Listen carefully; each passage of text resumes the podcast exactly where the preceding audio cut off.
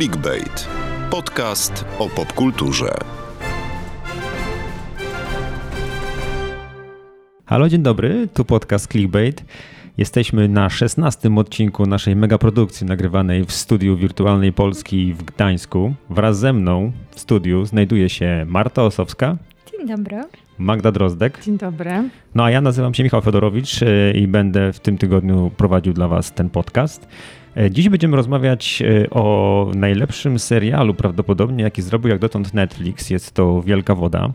Będziemy też rozmawiać o najgorszym serialu, jaki w tym sezonie możemy oglądać, ale to Wam nie zdradzę, żebyście mogli sobie przesłuchać do jak około 20 minuty. I będziemy też rozmawiać o strasznych filmach, no bo przed nami Halloween.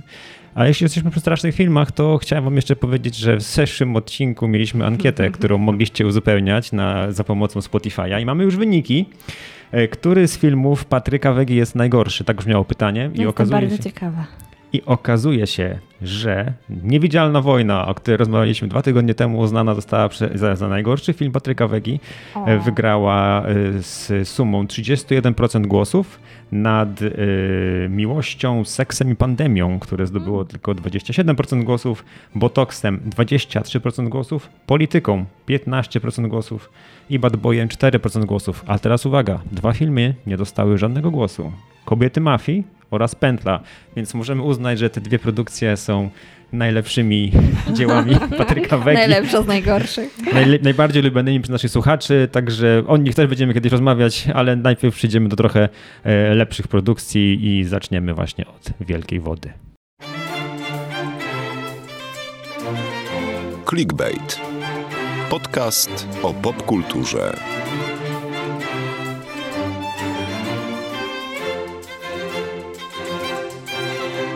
No mamy Wielką Wodę. Jak oni to zrobili w ogóle? Jak, jak to jest zrobione? Wielki, wielki, wspaniały, gigantyczny serial, kręcony kilka lat pewnie, e, O, tak. efektowny. Ta woda wszędzie, jest wszędzie, wylewa Miliony się. dolarów jak w Amazonie. Zalali ten Wrocław naprawdę chyba. No nie wiem, ja to oglądałem i nie mogłem wyjść z podziwu, że jak można było pokazać w polskiej, w polskiej produkcji e, tego typu atrakcje. E, czy wy coś wiecie na ten temat? Jak to było w ogóle zrobione? Marta, pamiętasz jak pokazywałaś mi sceny z tego filmu i byłyśmy tak przed laptopem ja cię zobacz, to chyba naprawdę jest zalane miasto.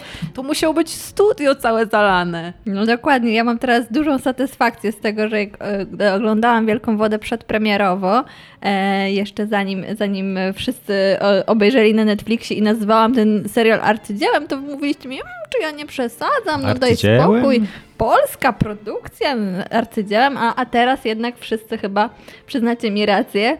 E, No i rzeczywiście rozmach tej produkcji robi kolosalne wrażenie. E, Polecam bardzo do obejrzenia na YouTubie materiały e, Netflixa, jak właśnie ten serial powstawał, za Mhm. kulisami scenografii, za Tak, kulisami scenografia. postprodukcji, jak, i- jak gigantyczna praca została w to, w to włożona, bo ja też e, oglądając serial, jakby dałam się porwać e, tej historii. Myślałam, że no tak było naprawdę, e, że to jest naprawdę kręcone we Wrocławiu, no bo mm, znaliśmy też kulisy, wiedzieliśmy, że rok temu produkcja rzeczywiście zamknęła na jakiś czas ulicę Wrocławia i, i kręciła tam. No ale większość oczywiście tych scen już z zalanym miastem powstawała w specjalnym miejscu, mianowicie w specjalnym też opuszczonym ba- opuszczony basen basenie, był, tak. Em, No i fakt, że jednak e, tutaj produkcja się zdecydowała na taki krok, że to nie jest wszystko zrobione efektami specjalnymi, no to pokazuje e, taką dbałość o szczegóły, o to, żeby rzeczywiście ta historia nas e, widzów wszystkich zaczarowała i, i nie sprawiała takiego wrażenia, że coś tutaj jest wykreowane sztucznie. Jak dobre to efekty są, bo e, naprawdę woda w tym serialu, e, jakkolwiek no, serial o wodzie, ale ta woda wyglądała faktycznie jak woda. Woda wlewająca się, tam zalewająca jedną z bohaterek gdzieś tam w tunelu e, w pewnym momencie, to, była, to nie była woda spuszczona z kranu, tylko po prostu wygenerowana komputerowo i wyglądało to autentycznie, autentycznie. To Ja po prostu nie mogę wyjść z podziwu, że w kraju, w którym mieliśmy smoka wiedźmińskiego, potrafimy zrobić Patrz, coś takiego. Przez lata nastąpił. Ponad 300 osób pracowało przy samej postprodukcji tego serialu. Czyli tych wszystkich efektach wykreowanych w komputerach, tak? To jest największa, e, największy projekt postprodukcyjny w Polsce, jeśli chodzi o, o kinematografię. No i niewiarygodne, jak to się udało. Robi to niesamowite wrażenie. Też pamiętam w jednym z takich materiałów e, o kulisach pracy przy tym opowiadali em, dokładnie o szczegółach, że były zdjęcia z tych ulic, które były zalane e, wtedy w latach 90. we Wrocławiu i były te zdjęcia, no niemal te ulice były odtworzone jeden do jednego, co na mnie robi potężne wrażenie, bo e, jeśli ktoś przykłada uwagę do do takich drobnych e, szczegółów, jak w tym serialu, to, to, to naprawdę da się człowiek wkręcić bardzo szybko w tą, w tą w tę historię. Ja po prostu chciałabym oświadczenie złożyć, że kocham Jana Cholubka i uwielbiam to, jak on podchodzi do historii i zwraca uwagę no, na takie najmniejsze detale. I Bartosza Ignaciuka. Tutaj było dwóch Tak. reżyserów. Dwóch Tak. reżyserów, a k- k- czy, czy to znaczy, że były to dwie ekipy? Jedna kręciła te suche sceny na mokre? Jak, jak, jak, jak, Podejrzewam, że po prostu tutaj? było tak dużo e, scen do realizacji, że no jedna osoba jednak by tego nie ogarnęła. Z tego, co tak oglądałam z tych dodatkowych e, materiałów e, za kulis, no to na przykład oddzielnie jeden reżyser realizował te sceny e, na wałach, gdzie były sceny zbiorowe, inny właśnie się bardziej skupiał na tych scenach w basenie, ale na pewno to było wymieniane. Nie, nie było jakiegoś sztywnego podziału, że jeden reżyser jest odpowiedzialny tylko za to, a drugi za to. Ale to też Więc taka chyba... musimy tutaj uwzględnić, że to jest produkcja wielu twórców. No właśnie, to jest takie dosyć chyba niespotykane tak w Polsce, bo wiadomo, te wielkie superprodukcje, te hollywoodzkie zawsze mają jakiś taki oddział, który kręci w jednym kraju, inny w drugim, inny w trzecim, nie? także reżyser ogląda całość, tu mamy dwóch reżyserów. To Ja jest wiem, przede no wszystkim jakbyśmy- jedny, wiel, jedna wielka pułapka, gdy ma się dwóch reżyserów, bo to są zawsze dwie wizje i dwa jakieś takie zupełne e, artystyczne podejścia, ale to akurat się już sprawdziło. Nie pamiętam teraz tytułu, ale kiedy Netflix robił pierwszą ekranizację e, Harlana Cobena, Leszek Dawid z Bartkiem Konopką pracowali razem nad tym serialem i też e, po prostu dzielili się scenami i odcinkami. I pamiętam, byłam na planie wtedy i panowie opowiadali właśnie o tym takim mariażu, że to jest e, bardzo trudne, ale mimo wszystko jest to e, dla, dla produkcji jest to zawsze plus, bo są dwa spojrzenia i ktoś em, te poprawianie swoich wizji to akurat jest zawsze dobre i być może właśnie w Wielkiej Wodzie to się tutaj sprawdziło, że były dwie osoby, które pilnowały tej Wielkiej Wody.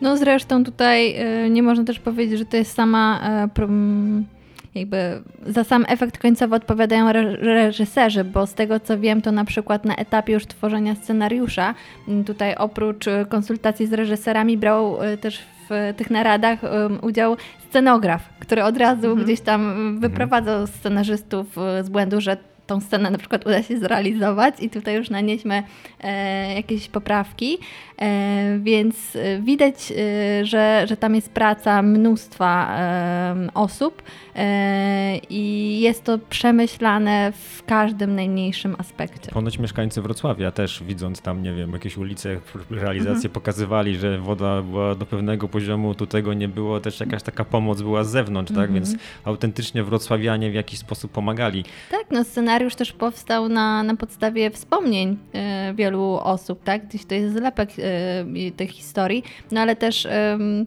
niektórzy oczywiście się oburzają, że niektóre szczegóły się nie zgadzają, że każdy to jakoś pamięta inaczej, Tak, że na przykład mamy tylko tą dość. jedną nazwę mm, miejscowości e, Kąty, tak? E, Kęty, Kęty. przepraszam, tak. Kąty, kąty chyba istnieją gdzie- nawet. Tylko... gdzie to nie jest jakby właściwa e, nazwa m, tej wsi, ale twórcy tak tłumaczyli, że mm, wybrali taką powiedzmy fikcyjną nazwę, e, żeby oddać e, historię okolicznych wsi, że to nie jest tylko to jedno miejsce, Mhm. tylko w tych różnych okolicznych wsiach wokół e, Wrocławia, na terenach zalewowych takie spory się toczyły. Ja mam wrażenie, że może to nie chodziło do końca o to, tylko tak oni tak mówią teraz fajnie, żeby tak oddać tę historię, ale mam wrażenie, że te negatywne ewentualnie aspekty nie chcieli właśnie przypisywać do konkretnej miejscowości, żeby, Tak. żeby jakaś nie zrobiła się przy okazji może mm, nagonka na mi, mieszkańców miejscowości Łany. To, to tak naprawdę Mhm. Łany się nazywał.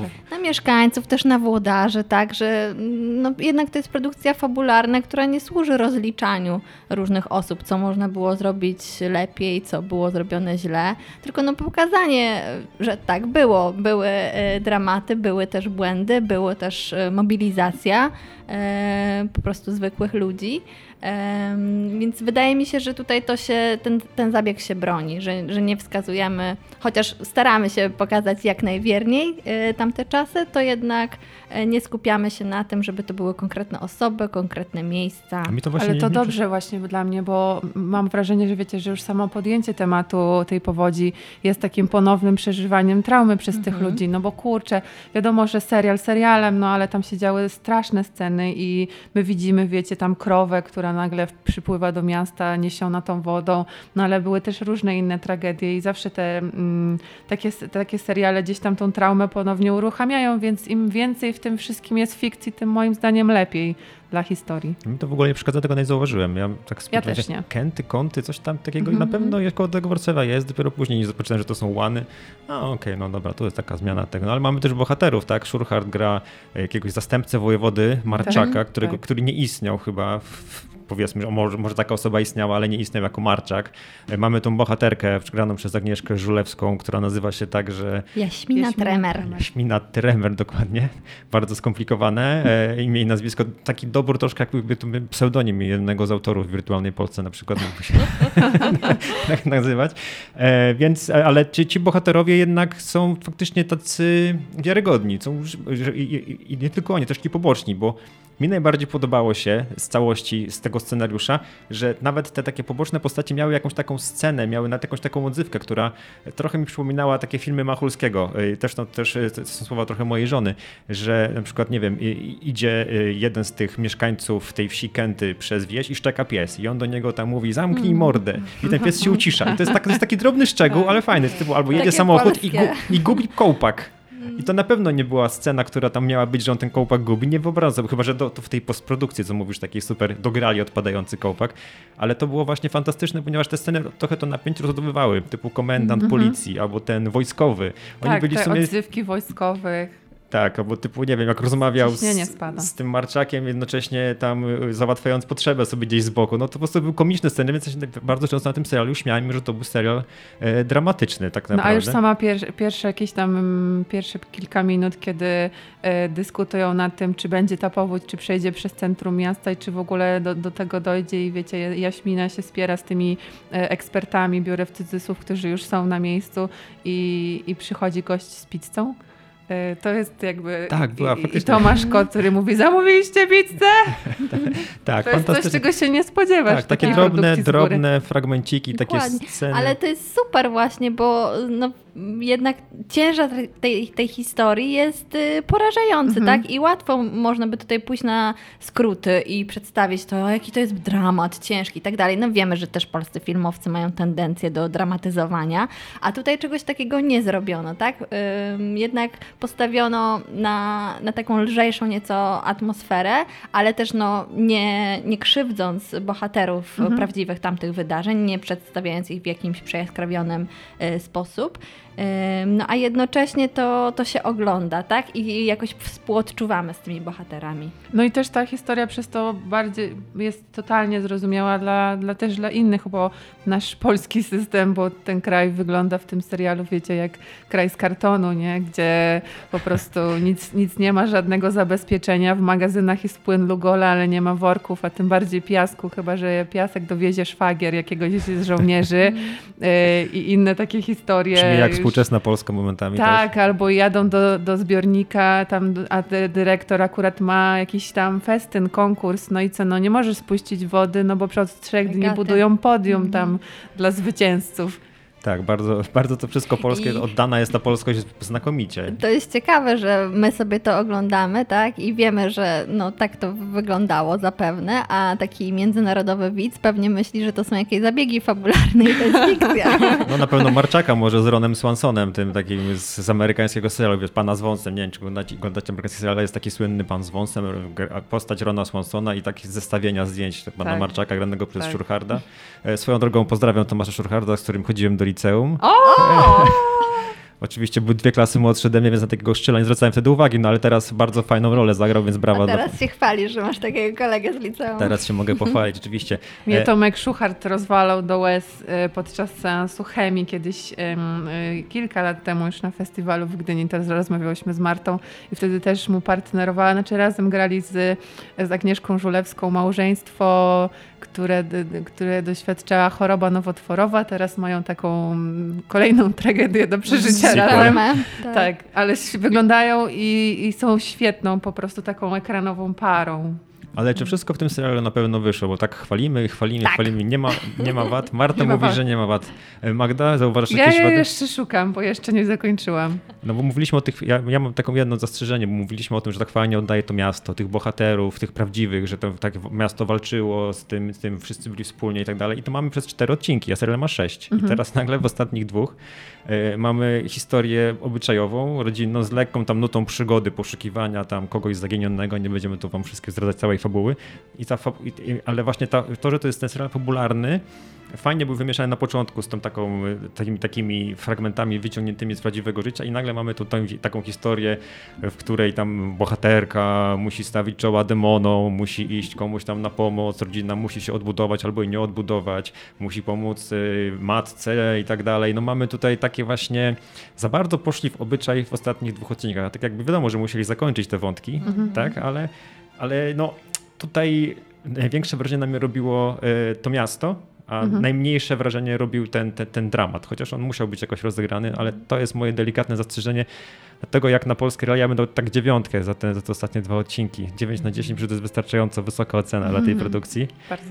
No ja się z Tobą nie zgadzam z tą oceną tych ostatnich odcinków, no bo jednak y, wiadomo, że od początku było to budowane napięcie i wiemy, że w końcu ta powódź nastąpi, to miasto zaleje. No już w tym powiedzmy trzecim, czwartym odcinku e, ta, ta woda się pojawia, E, więc rzeczywiście no ten piąty, szósty odcinek logicznie służy temu, żeby domknąć te wszystkie wątki, a zaczynaliśmy od jednak mikrohistorii, od tego dramatu e, Jaśminy, od mierzenia się z jej traumami, więc dla mnie to jest zupełnie e, jakby uzasadnione, że też kończymy tym wątkiem. No jest to prawda, ale... ale A jednocześnie jest cały czas kontynuowana narracja wokół innych bohaterów, co się z nimi dzieje, jak oni sobie radzą w trakcie tej powodzi, jak e, dalej jest e, mobilizacja ludzi, tak? Mm, Więc No, ta nie, nie, ale nie, zeszła nie przyjmuję troszkę- tych twoich zarzutów, aczkolwiek pozwalam ci na własną interpretację. Oby tylko każdy serial Netflixa, e, zwłaszcza te w Polsce, miał taki problem, że dajemy mu tylko 9, Oj, czy ja oj, daję tak. mu tylko 9, a nie pełną Ale wiecie co, mnie bardzo boli jednak y, pod adresem tej produkcji takie używanie e, frazesów. Jak na polską produkcję to to jest dobre. No nie, no właśnie patrząc na to, z jakim rozmachem zostało to, to zrobione na etapie powstawania tej scenografii, postprodukcji, no to możemy tutaj powiedzieć o światowym rozma rozmachu, o światowej klasie produkcji, a nie tylko jak na Polskę to okej. Ale którą też docenili za granicą, bo z tego co widziałem, to z nieanglojęzycznych produkcji w tych zestawieniach czasu oglądania, to ta Wielka Woda w sumie bardzo dobrze sobie poradziła. Ona była na pierwszym czy na drugim miejscu tych nieanglojęzycznych przez kilka. Tak. Mamy ją dwa tygodnie, więc kilka dni na pewno zaliczyła taką, taką topkę. E, No, no i to, to jest godne podziwu. No ja oglądam w tym, jednocześnie trzy seriale teraz. Oglądam Ród Smoka, oglądam e, Pierścienia Władzy i oglądam Wielką Wodę i moim zdaniem najlepsza z tego wszystkiego, nie powiedziałbym tego i prawdopodobnie nigdy, ktoś miał mnie przekonać, że tak powiem kiedykolwiek, najlepsza jest Wielka Woda, najlepsza jest polska produkcja, kiedy mamy tu w zestawieniu jeszcze dwie takie inne gigantyczne produkcje zagraniczne. I zapewne ta polska produkcja miała jednak budżet, budżet znacznie mniejszy niż te Mikro- miliardy dolarów. A, a jednak y, pokazuje, że to kwestia jest pomysłu, kwestia, nie wiem, może utalentowanych ludzi, a niekoniecznie pieniędzy. O pieniądzach jeszcze za moment pogadamy przy okazji tego drugiego, najdroższego serialu. Clickbait. Podcast o popkulturze.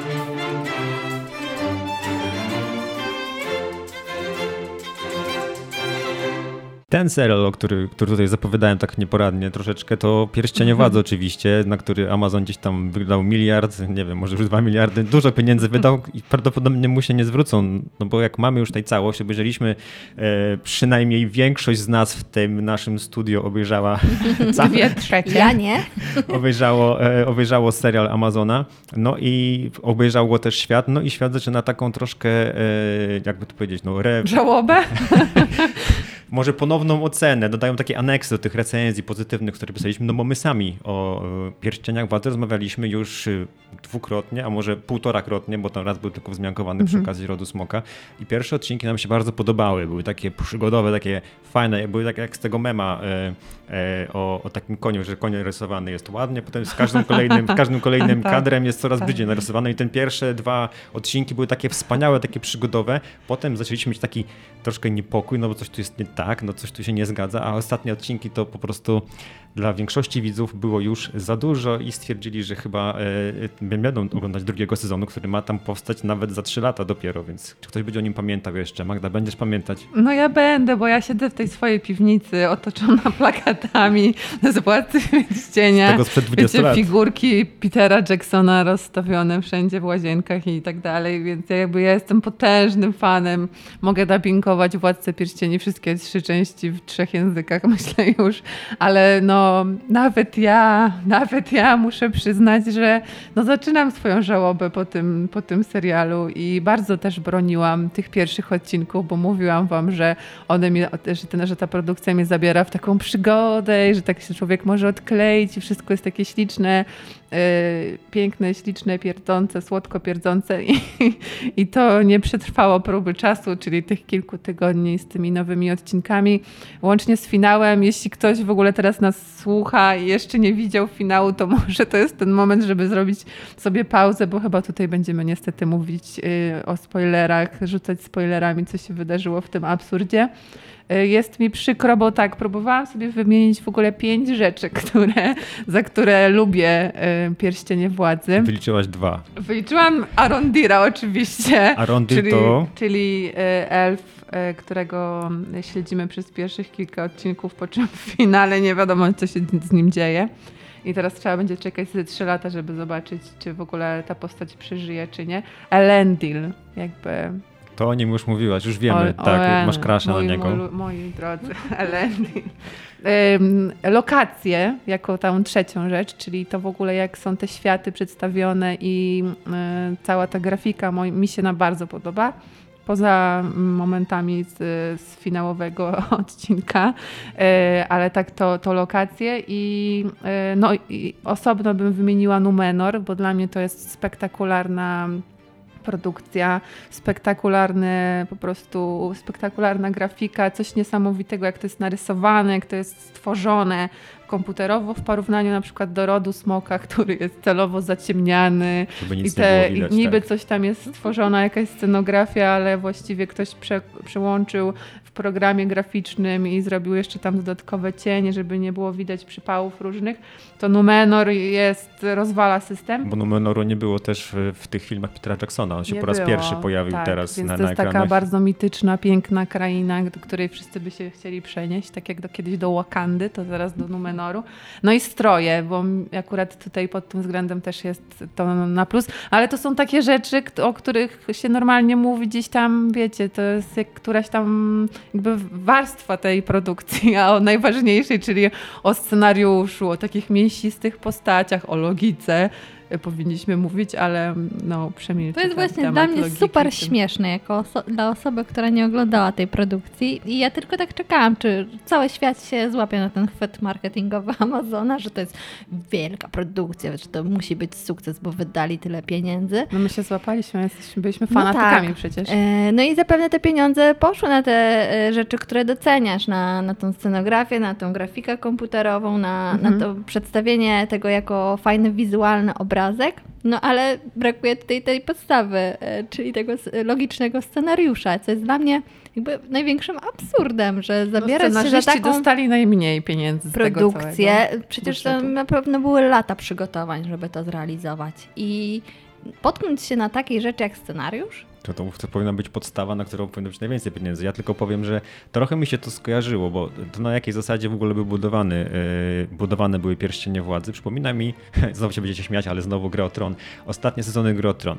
Pierwsze sezony Gry Tron, podobnie jak trylogia yy, Petera Jacksona, były kręcone na, na bazie takiej dużej książki, w której było wszystko fajnie połączone, jeden wątek przychodził w drugi, mhm. yy, więc wszystko można było ładnie sobie skonstruować, można było ewentualnie odciąć coś z tych książek i jakoś tam połączyć i powstawał z tego taki spójny film.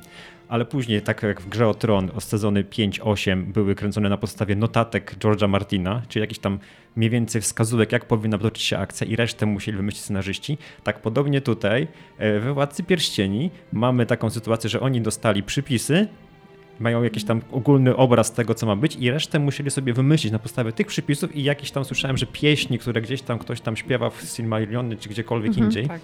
Więc mieli trudne zadanie zrobić z tego fantazy, ale nie mieli tego podkładu fantazy, mieli tylko tak samo wskazówki. I tak samo to, jak końcówka gry o Tron, te ostatnie cztery sezony się nie udały, tak i to jest moim zdaniem nieudane, ponieważ te sceny są bezsensowne, tak jak scena na przykład, która Magda jest bezsensowna. Wszystkie, ale... nie, nie o to mi chodziło. Czekaj, która z nich najbardziej, najbardziej tutaj zasługuje na wymienienie? Y, prawda jest taka, że ta historia jest rozciągnięta na setki lat i wtedy ma ona sens dopiero. A teraz trzeba ją było bardzo skondensować i też te postaci, które gdzieś w tych, w tych, tych tekstach Tolkiena, one się też nie, nie, nie istnieją w tym samym czasie, tak? Czyli gdzieś tam się pojawiają w zupełnie, zupełnie innych rejonach tej historii. Musiały nagle się spotkać. Y, dużo, bardzo dużo zmian jest, bo dzisiaj tak sobie poczytałam właśnie o zmianach. No to cała historia z finału, ze stworzeniem pierścieni, czyli to na co czekaliśmy przez te 8 odcinków, dobrze mówię 8? 8, to o czym jest serial właściwie. O, to czym jest serial jest sprowadzone do ostatnich chyba dwóch minut E, tej, tej, tej produkcji wspaniałej i jest to tak, tak absurdalne, ale tak absurdalne, że jak już się pojawiają te pierścionki i ktoś nie ma pojęcia no jakby jakiejś takiej bazy ze świata Tolkiena, to mam wrażenie, że czy to jest jakiś żart, że zrobili trzy klejnoty, każdy, każdy wygląda inaczej i to są te słynne pierścienie władzy, o których cały czas mowa? No właśnie, ja nie zrozumiałem tego w finale, bo w finale nagle pojawia się wykujmy pierścienie, no i zaczynają kuć te pierścienie, ale ja tak, coś, coś, coś mi, po co te pierścienie kują? Gdybym mm -hmm. nie wiedział, y, że one są ważne dla w ogóle y, filmów, czy też książek, tak. które już znamy, to po prostu nie wiem, po co oni zaczynają kuć, po co to są pierścienie i w ogóle dlaczego ten człowiek, który pojawia się znikąd, doradza najlepszemu kowalowi w całym Śródziemiu, jak robić stopy metali, to co, czy on tego nie wie? Dlaczego to jakiś randomowy gość, ogłoszony królem chwilę wcześniej, że królem wszechświata i nie wiadomo czego tam który jest. dostał kosę pod żebro chwilę chwilę wcześniej. Tak, nagle zdrowieje, je wszystkim tłumaczy i w ogóle nagle zaczyna knuć spisek, który szybko y, zorientowuje, zorient, no właściwie nie szybko, bo zajęło jej to 8 odcinków. Nagle podejrzliwa Galadriela, która zrobi jeszcze coś innego. No, y, stężenie absurdu i w tym finale, i we wcześniejszych odcinkach, no było niesamowite, typu właśnie... Ich, ich, jakby cały ten reveal, czyli to jak, jak ona się w końcu orientuje, kim jest Halbrand, bo o Halbrandzie mówimy, no, jest to tak absurdalne, no i wraca postać brata i tam łzy lecą. Ja się tak teraz zastanawiam, Ludzie. czy myślicie, że te dziury fabularne właśnie to jest kwestia scenariusza, czy może jednak tutaj coś było hachmęcone na etapie Pite? montażu było i po prostu... Chyba nie wiem, było nakręcone zbyt dużo materiału i Amazon powiedział, no nie, te, te odcinki, nie może być każdy odcinek trwać dwie godziny i tutaj wycinamy, wycinamy, nie, wycinamy myślę, i to tak... Myślę, że to cały czas to jest kwestia scenariusza i tego, żeby stworzyć tą historię w zrozumiały sposób, na 8 odcinków ją rozpisać, żeby te postaci miały jakiś sens yy, mimo wszystko. I to jest kwestia totalnie tego, że nie, nie bardzo wiedzieli, co z tej historii. Znaczy, wybrali te najważniejsze punkty, czyli ok, jest Galadriela, jest powstanie Mordoru, orkowie, jest po, postać czarodzieja, yy, przygody hobbitów. I to są takie jakby ich clue, ale teraz, żeby to połączyć, to tak nie wyszło. No tak, no bo dostali, jak mówię, wskazówki i mhm. zróbmy coś pomiędzy i to tak, tak się, tak się tak, sklejało. No ale tak. mówisz, że wycinać raczej nie, bo tam godzina 15 każdy odcinek praktycznie trwał, więc...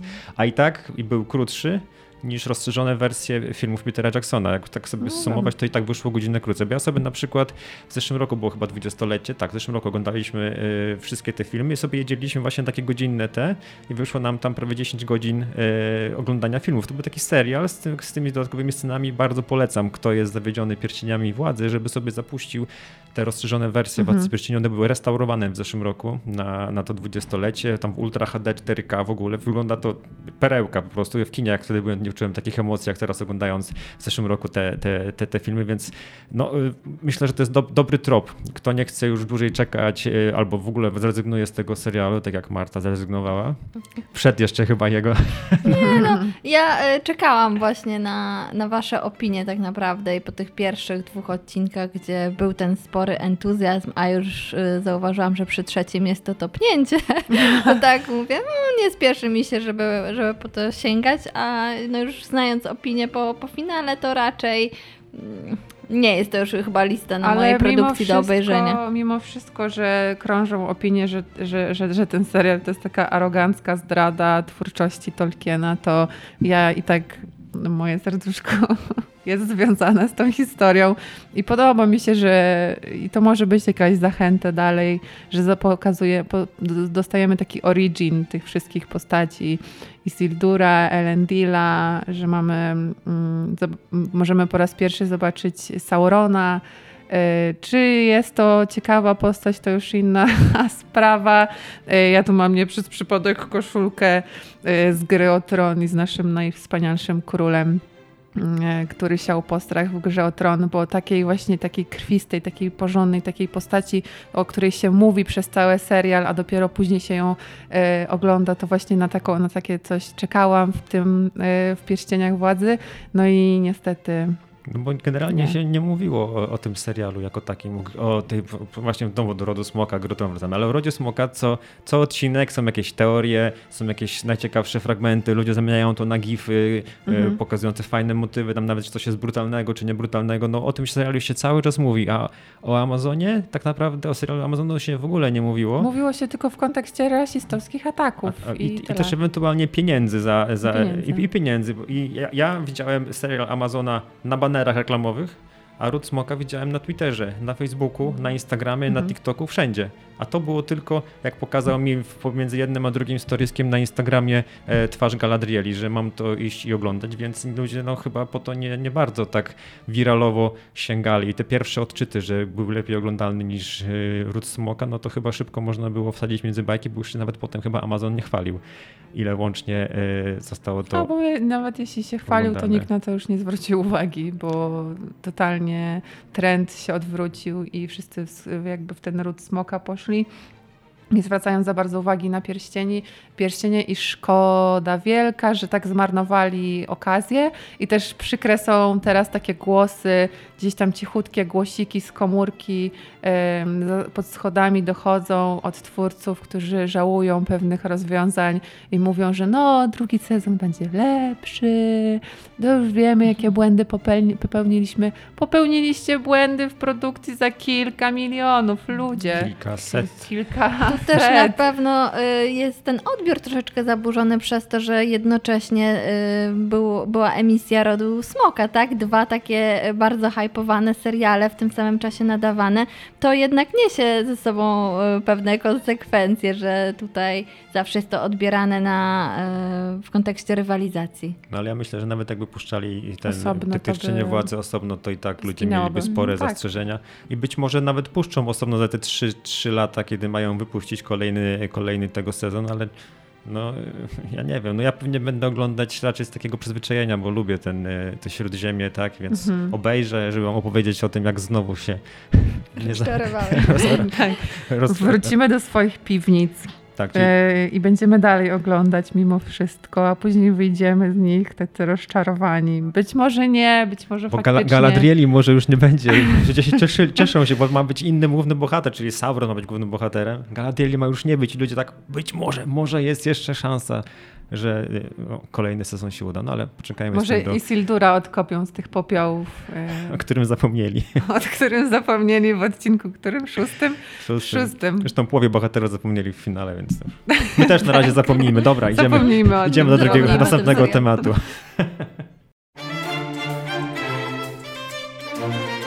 Clickbait. Podcast o popkulturze.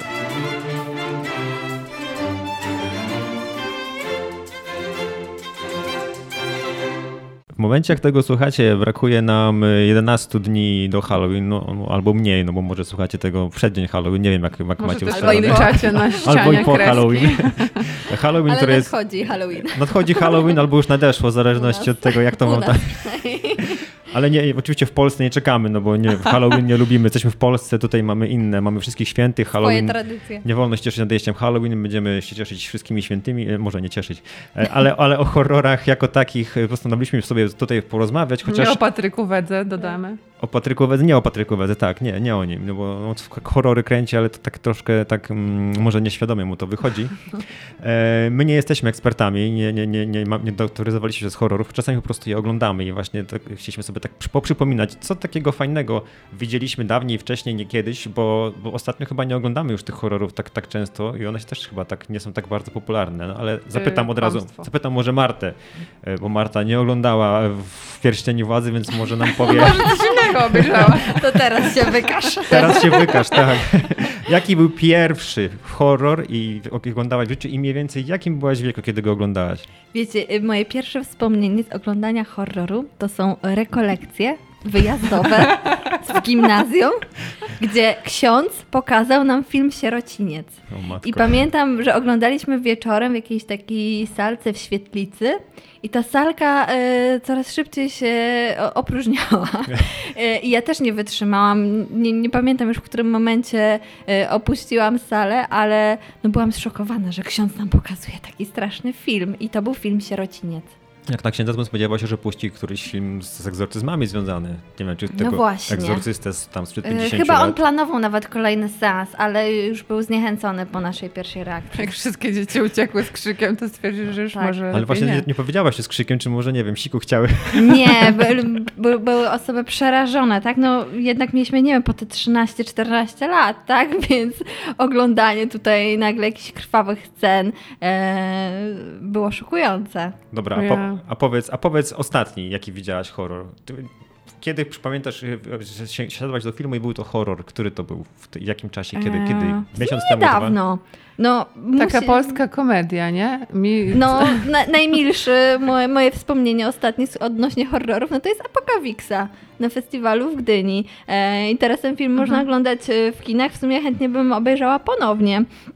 E, no ale tak jest to dosyć nietypowa jak dla mnie produkcja, jeśli chodzi o horrory, bo ja sobie w sumie e, rozdzielam kilka takich powiedzmy kategorii, jeśli chodzi o, o ten gatunek, że są horrory, które są y, aż y, zbyt straszne dla mnie, a y, jakoś wychodzę z takiego założenia, że no jednak nie lubię wydawać pieniędzy po to, żeby się bać, więc takie filmy to raczej oglądam gdzieś w domu, czyli, czyli nie jestem na bieżąco z premierami kinowymi, E, a fajnie mi się ogląda właśnie takie filmy jak Apokawiksa, e, czyli na które można iść e, z paczką znajomych, po, pośmiać się, pobawić, e, trochę się przestraszyć, ale to, to nie będzie taki strach e, jakby dojmujący.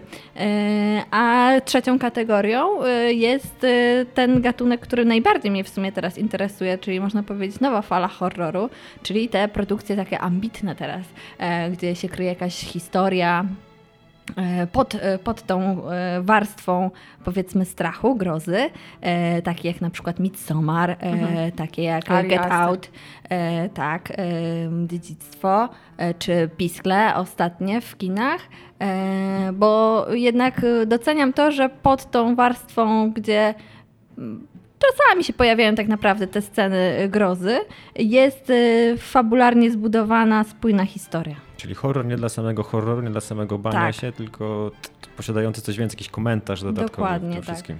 No bo jednak wydaje mi się, że w dzisiejszych czasach, kiedy no, mierzymy się z wieloma problemami społecznymi, z jakąś polaryzacją, to taki gatunek horroru jest bardzo wdzięczny, żeby opowiadać o naszych dzisiejszych czasach. Bardzo. I właśnie tak jak mówisz, że jest taka nowa fala horrorów, dlatego ja się z tobą nie, nie zgodzę, że to są filmy, na które ludzie nie chodzą do kina i się ich nie ogląda, bo mam wrażenie, że horror Chodzą, od tylko kilku, ja nie chodzę. horror od kilku, ale z Fedorem się nie zgodzę jak zwykle, yy, bo mam wrażenie, że Po właśnie horrory, horrory yy, aż mnie z, z stołku myślenia wybiłeś, wow.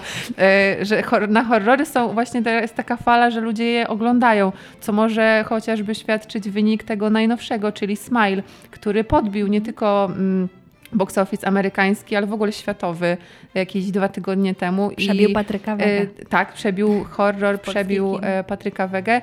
E, co, o, co nie było takie trudne, umówmy się, ale po naszym podcaście oczywiście, gdzie zniszczyliśmy ten film, ale no, włożyli w ten film chyba 20 milionów dolarów, a wyciągnęli w pierwszy weekend 30. No ale łącznie na razie ma chyba około 100, no ale to nie są takie pieniądze jak tak. te inne hollywoodzkie tak, produkcje, tak, tak. typu tam nie wiem, bajki wiadomo dla wszystkich, czy e, Ale jednak tak się mówi, że e, budżety horrorów są zawsze niewielkie, a, a zysk potrafi być potężny, e, więc tutaj jakby kwestia bardziej pomysłu i sprzedania tej historii niż wydania i wielkiej promocji, robienia z tego super produkcji. Bo w sumie łatwo za małe pieniądze zrobić dobry horror, to pokazał Blair Witch Project o, w tak. latach 90. Który jeszcze. zmienił w ogóle kino. Tak, za darmo zrobiony film praktycznie za nie wiem, 8 tysięcy dolarów, w ogóle zarobił tam pewnie nawet licząc z inflacją i przez te wszystkie lata jak był wyświetlany, to pewnie już grubo ponad kilkaset tak, baniek, łącznie tak, mi się tak, wydaje, tak. który zrobił kontynuację, który w ogóle e, stworzył nowy nurt w ogóle w horrorze, czyli tak. ten e, found, found footage, footage, znaleziony materiał filmowy, który no, w różne sposoby później było to miksowane i Paranormal Activity mm -hmm. szło w, te, w ten mm -hmm. deseń i, i, i film Red. hiszpański, tak, ten, ten horror. Rek? Rek. No Czy też Rec, Rec, Rek. No, zależy, jesteśmy w Polsce. Zależy jak to w Hiszpanii czytają, może to będzie Res. Nie znam hiszpańskiego, ale to A też... to straszne było. Straszne. Ja oglądam wszystkie horrory, wiecie, jestem... Wszystkie oglądasz, no to ja teraz ty powiedz. Od czego zaczęłaś? O, u mnie się zaczęła e, habilitowana, tak, do horrorów. Jednak, jednak ty. E, moja mama była zawsze ogromną fanką horrorów, ale zawsze starała się je oglądać tak, żebyśmy my nie oglądały, bo powinna zniszczę wam tym psychikę, nie, jednak. A my razem, pamiętam kiedyś z moimi koleżankami w podstawówce, spotykałyśmy się tak e, zawsze od razu po szkole chodziłyśmy do nich e, do, do domu i pamiętam, nie pamiętam dokładnie ile mogłam mieć lat, ale dos, dokładnie pamiętam cały seans klątwy, czyli tej amerykańskiej wersji e, japońskiego, japońskiego horroru. I to mi zniszczyło y, życie na kilka lat, bo ja nie mogłam przestać myśleć o tym horrorze. Dla Klątwa była takim, takim filmem, który totalnie mnie rozwalił, że tak jak sobie teraz myślę, to nie wiem jak to się stało, że ja obeszłam się bez terapii po tym filmie i do tej pory mam tak, że jakby mi ktoś kazał drugi raz to obejrzeć, to bym się nie zgodziła. Tak samo mam z The Ring, a i tak oglądasz dalej horrory. To mnie zaskakuje. Oczywiście, namiętnie. A szczególnie właśnie teraz jestem fanką Ariego Astera, który już w ogóle tak wyprowadza z ludzi, ludzi z równowagi, bo te horrory to nie są takie typowe jumpscary, mm -hmm. że coś tam wyskakuje ci, chociaż też wyskakuje po dziedzictwie, chociażby można było mm, sobie to tak ten zobaczyć, no to, y, to jego horrory są takie, że tak ci naprawdę się dają na głowę i to jest coś pięknego. Dlatego na przykład też y, z takich nowszych mm, obecność nie widziałem. Mm. Nie? Ja ludzie, z kim ja rozmawiam. Jeny, ludzie. Obecność jest niesamowita. Z Patrykiem jest... Wilsonem?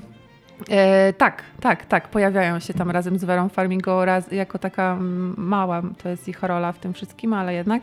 E, a tak to jest, wiecie, wszystko jest zamknięte w jednym domu i to jest taki piękny ukłon w stronę tych wszystkich horrorów, które działy się w nawiedzonych domach co jest właśnie niesamowite, bo ten horror też zrobił ogromny wynik kasowy, były później kontynuacje y, obecności, a, a, a ten film, nie pamiętam już ile on ma lat, zresztą pracował przy nim operator polskiego pochodzenia, który teraz z Ari Masterem generalnie mają taki świetny duet i robią razem filmy. Y, no świetny, dlatego polecam wam, a jakby jeśli chodzi o, o te wszystkie nowe i stare horrory, to jednak te stare są takie, te klasyki, to jest coś najpiękniejszego wszystkie stare filmy o zombie, Martwe Zło. Martwe zło to są... Też patrzę na was i myślę, nie, nie widzę zgody w oczach, nie, że nie. Ma, ma, martwe zło totalnie, ale bardziej mi się martwe zło kojarzy z, kom z komediowym aspektem tego, bo pierwszy był taki poważ poważny, no, tak. ale dwójka i trójka martwego zła to było bardziej komedia, ale właśnie ja to lubię Martwa cisza? Martwe ciszy nie. Ale lśnienie? Lśnienie, no ale to, no to tak. No, no to lśnie, Rosemary. Lśnienie uznawane za super horror, ale ja, jest, ja oglądałem lśnienie po lekturze książki i przeżyłem zawód na lśnieniu, podobnie mm. chyba jak sam Kubrick, który tam chyba krytykował, e, przepraszam, e, King, który krytykował Kubricka horror, e, bo książka jest 100 tysięcy razy lepsza niż film, który w ogóle jest y, wykastrował, co najważniejsze było w książce i w ogóle mi się śnienie ostatecznie tak nie podobało, chociaż uznaję za klasykę, bo ma tam takie momenty, które są cytowane i tak dalej, tak? E, ale tak jak mówisz, Martwe Zło było y, mhm. dla ciebie, ja Martwe Zło kojarzę z komediami, ale właśnie te horrory komediowe to jest dla mnie coś, co ja lubię. Tak samo jak lubisz takie miksowanie gatunku, ale ja bardziej lubię go w takiej stro od strony mhm. komediowej, typu mm, Wysyp Żywych Trupów z Simonem Peggiem, taki horror, tak, y, tak, gdzie tak, on tak, rozgrywał tak, się w Londynie, tak, ze swoim kumplem musieli dotrzeć z jednego miejsca na drugie, super muzyka Queenów do tego, wartka akcja i super śmieszny. Albo, Albo oglądaliście nie, Dom w głębi lasu, to chyba był taki tytuł. Cabin in the Woods. Tak, tylko właśnie był y, na, zrobiony na tej samej zasadzie, co taki super y, stary, klasyczny horror y, Nawiedzony dom na wzgórzu. I to też mniej więcej jest taka akcja, że do tego domu mm, przychodzi grupa przyjaciół i tam wszyscy są oczywiście z tego stereotypu, także jakaś dziewczyna, która musi być tą final girl, musi być mięśniak, ktoś, jakiś intelektualista i tak dalej, i tak dalej. I oni po kolei zostają wyeliminowywani, e, usuwani z, z, tej układanki. No i na koniec, spoiler alert, nie, nie, nie, nie, nie, Dobra, nie, bo końcówka jest najlepsza, ale... Końcówka jest taka bombowa. E, końcówka jest świetna i, i taka właśnie zabawa tym gatunkiem i że niby jest to horror, ale jest w tym dużo takiej beki. To, to tak, to... No i teraz właśnie na tym czerpie przecież przecież czerpią z tego Polacy, z tego mm -hmm. takiego, bo my myślę sobie o, o, o w lesie dziś nie zaśnie nikt, tak, nie? też Chociażby. właśnie o tym pomyślałam, jak opowiadałaś o tych charakterystycznych bohaterach i też mi się tak wydaje, że jednak um, tak nie kojarzę polskiej kin kinematografii za bardzo z, z gatunkiem horroru, ale jednak w, w ostatnich latach, się... gdzieś sięgamy y, po, po ten gatunek i robimy to w jakiejś takiej właśnie żartobliwej formie. Te horrory polskie, one istnieją, bo przecież y, chociażby taki festiwal jak Oktopus to jest pełny starych mm, polskich horrorów, tylko że... Nie tych dobrych mm, chyba. Ich Klątwa Doliny no, Jedynych, tak, jedynych dobrych, e, ciekawych, e, ciekawych horrorów, bo później coś jakiegoś takiego, jakieś było takie tąpnięcie, że chyba polscy twórcy stwierdzili, że e, nie da się zrobić generalnie horroru w Polsce, no, że Polska już jest się... dostatecznie miejscem, które straszy. I tak ciężko właśnie nam zrobić taką historię taką bez nadęcia, tylko właśnie jakiegoś takiego, takiego typowego straszaka. Były próby różne, nieudane. Jak na przykład?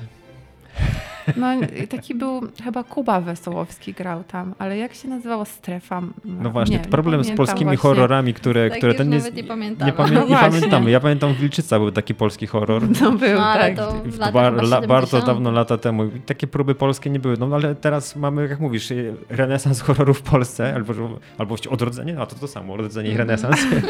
e, tymczasem, tak jak ty wspominałaś, że twoje horrory to jest Klątwa i, i Ring, jako ty pierwszy. Shutter, Widmo też taki film był z I, I to są wszystko azjatyckie, a teraz tak. tych azjatyckich jest jakby mniej. Ostatni mhm. azjatycki, jaki pamiętam, to jest Pociąg do Busan, Zombie Express, mm -hmm. tytuł amery, amery, tak, amerykański. to też mi się podoba. Bardzo fajny i też z takim komentarzem społecznym, bo to mamy kilkoro bohaterów uciekających w pociągiem z różnych klas społecznych, uciekających właśnie przed epidemią zombie w Korei Południowej.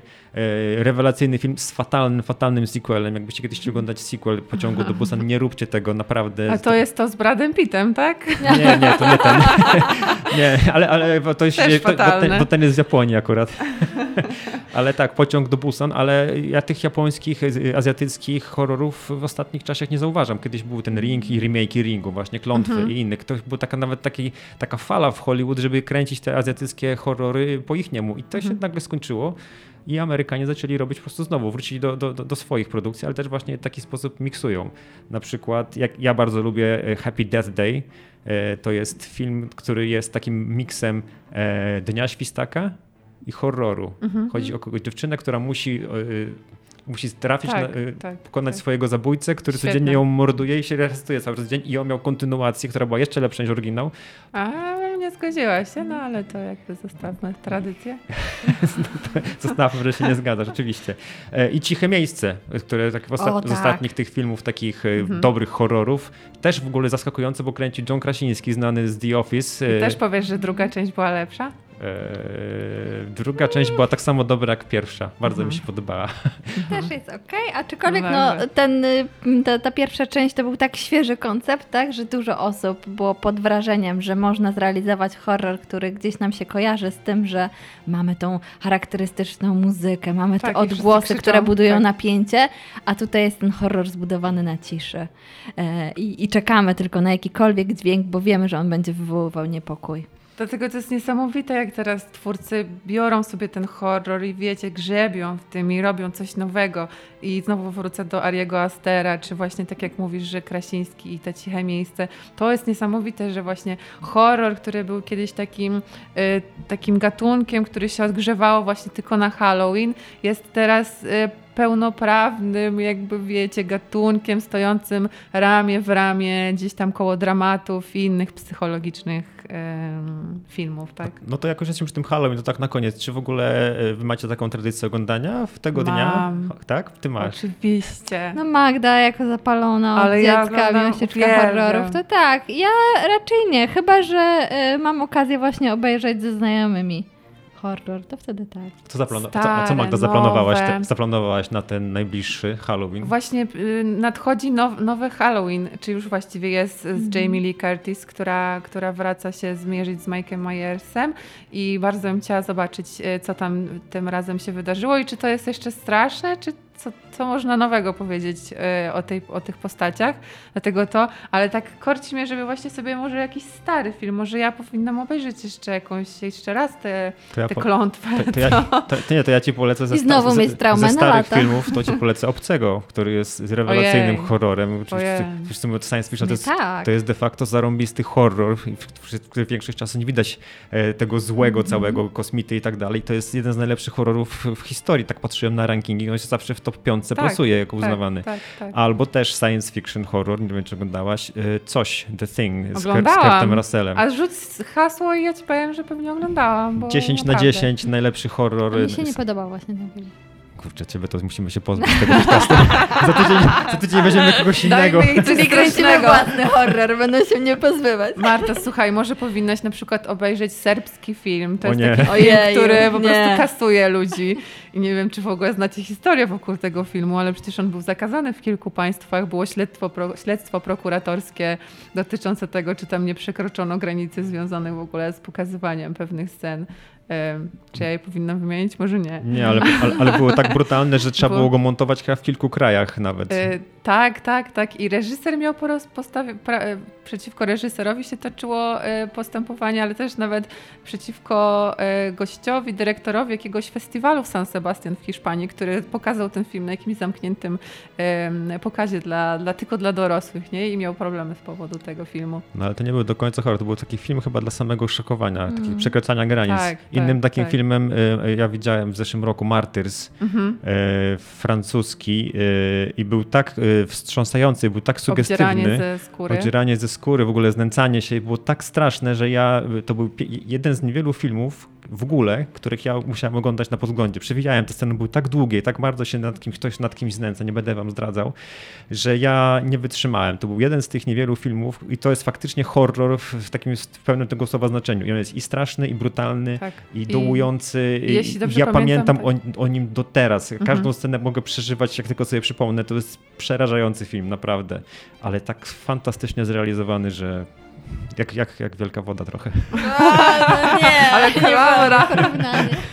ale ja też polecam właśnie Egzorcystę, y, bo to klasyka Friedkina, ale z, y, o, żeby obejrzeć może najpierw albo w jakiejś, jakiejś tam dowolnej kolejności też dokument, bo niedawno powstał, chyba w tamtym czy dwa lata temu był pokazywany film dokumentalny właśnie o tym, jak kręcono Egzorcystę i między innymi właśnie Friedkin opowiada jak e, chodził na przykład po planie z pistoletem i strzelał w randomowych momentach, żeby aktorzy, e, żeby nagrywać prawdziwe e, krzyki aktorów i żeby stra- straszyć na przykład bohaterów, albo jak aktorka, która podkładała głos pod demona, em, musiała jakby być w, w trakcie nagrywania tych dźwięków w obecności dwóch księży, którzy ją trzymali za rękę i się tam modlili, żeby ona się tak bardzo bała tego, tego co musiała zrobić albo jak właśnie później ta dziewczynka dziewczynka, która, która grała tą nawiedzoną przez demona mm, postać, chodziła z ochroniarzami, bo po prostu odbiór tego filmu był tak porażający,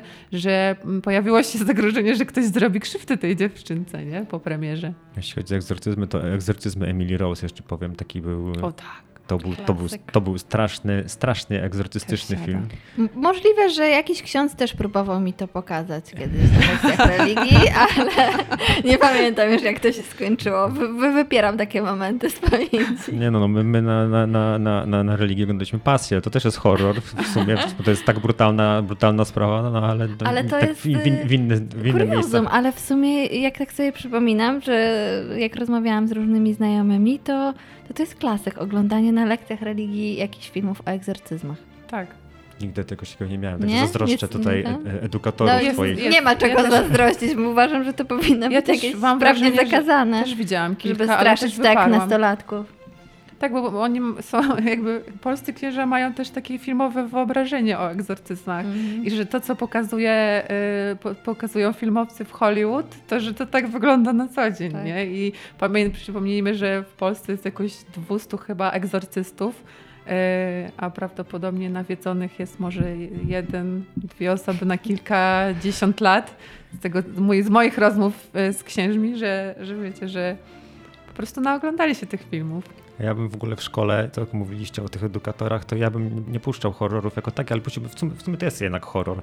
Każdemu w liceum puściłbym Requiem dla snu, który O nie jest horrorem, święta. ale jest tak strasznym filmem. sobie wszystkie sceny Jak teraz z tak nagle. strasznym filmem i który e, spowodował, że ja w ogóle nigdy w życiu nie myślałem o kiedykolwiek O o, braniu narkotyków. Autentycznie mnie Tak. tak przestraszył ten film, że ja jestem jak łza czysty, przysięgam. Nigdy say no to drugs, totalnie oglądajcie Requiem dla snu, mimo że film ma też prawie 20 lat, wciąż nie po, trzepie Nie po prostu. powinniśmy pochwalać y, te kina, y, które ma traumatyzować widza. Ale to, ale to właśnie powinno straumatyzować Ale no, wszystkich. Jednak y, Naprawdę tak, straszy. tej produkcji to się z tobą zgodzę, bo, Ale- bo też pamiętam, że nie mogłam spać po seansie. Funkcją kina od lat jest traumatyzowanie, nie? Czasem to Patryk Wega, a czasem to jest to Stephena Kinga.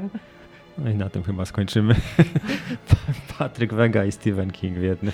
Biedny Patryk. Przepraszam, Steven. E, Na zakończenie po- przypomnimy Wam tylko, że możecie nas słuchać e, już na czterech, jak się okazuje, serwisach. Możecie nas słuchać na Spotify'u, na Google Podcast, na Apple Podcast i teraz dołączyliśmy również do OpenFM, czyli spółki, która współpracuje z Wirtualną Polską, więc zapraszamy również tam, jeżeli słuchacie Radia OpenFM, także słuchajcie nas również i, i, i, i tu. A wysłucha, wysłyszymy się za, za dwa tygodnie. E, No i co wam powiem? No nie wiem, o czym będziemy rozmawiać, ale No Marta o już... horrorach Marta zna- zobaczyła. Będziemy pytać. y, Jeśli Marta będzie tu z nami. Jeżeli... Tak, bo chcą się mnie pozbyć. Także do usłyszenia za dwa tygodnie. Żegnamy się i, i słyszymy się w tych miejscach, o których wspomniałem. Cześć. Cześć. Cześć.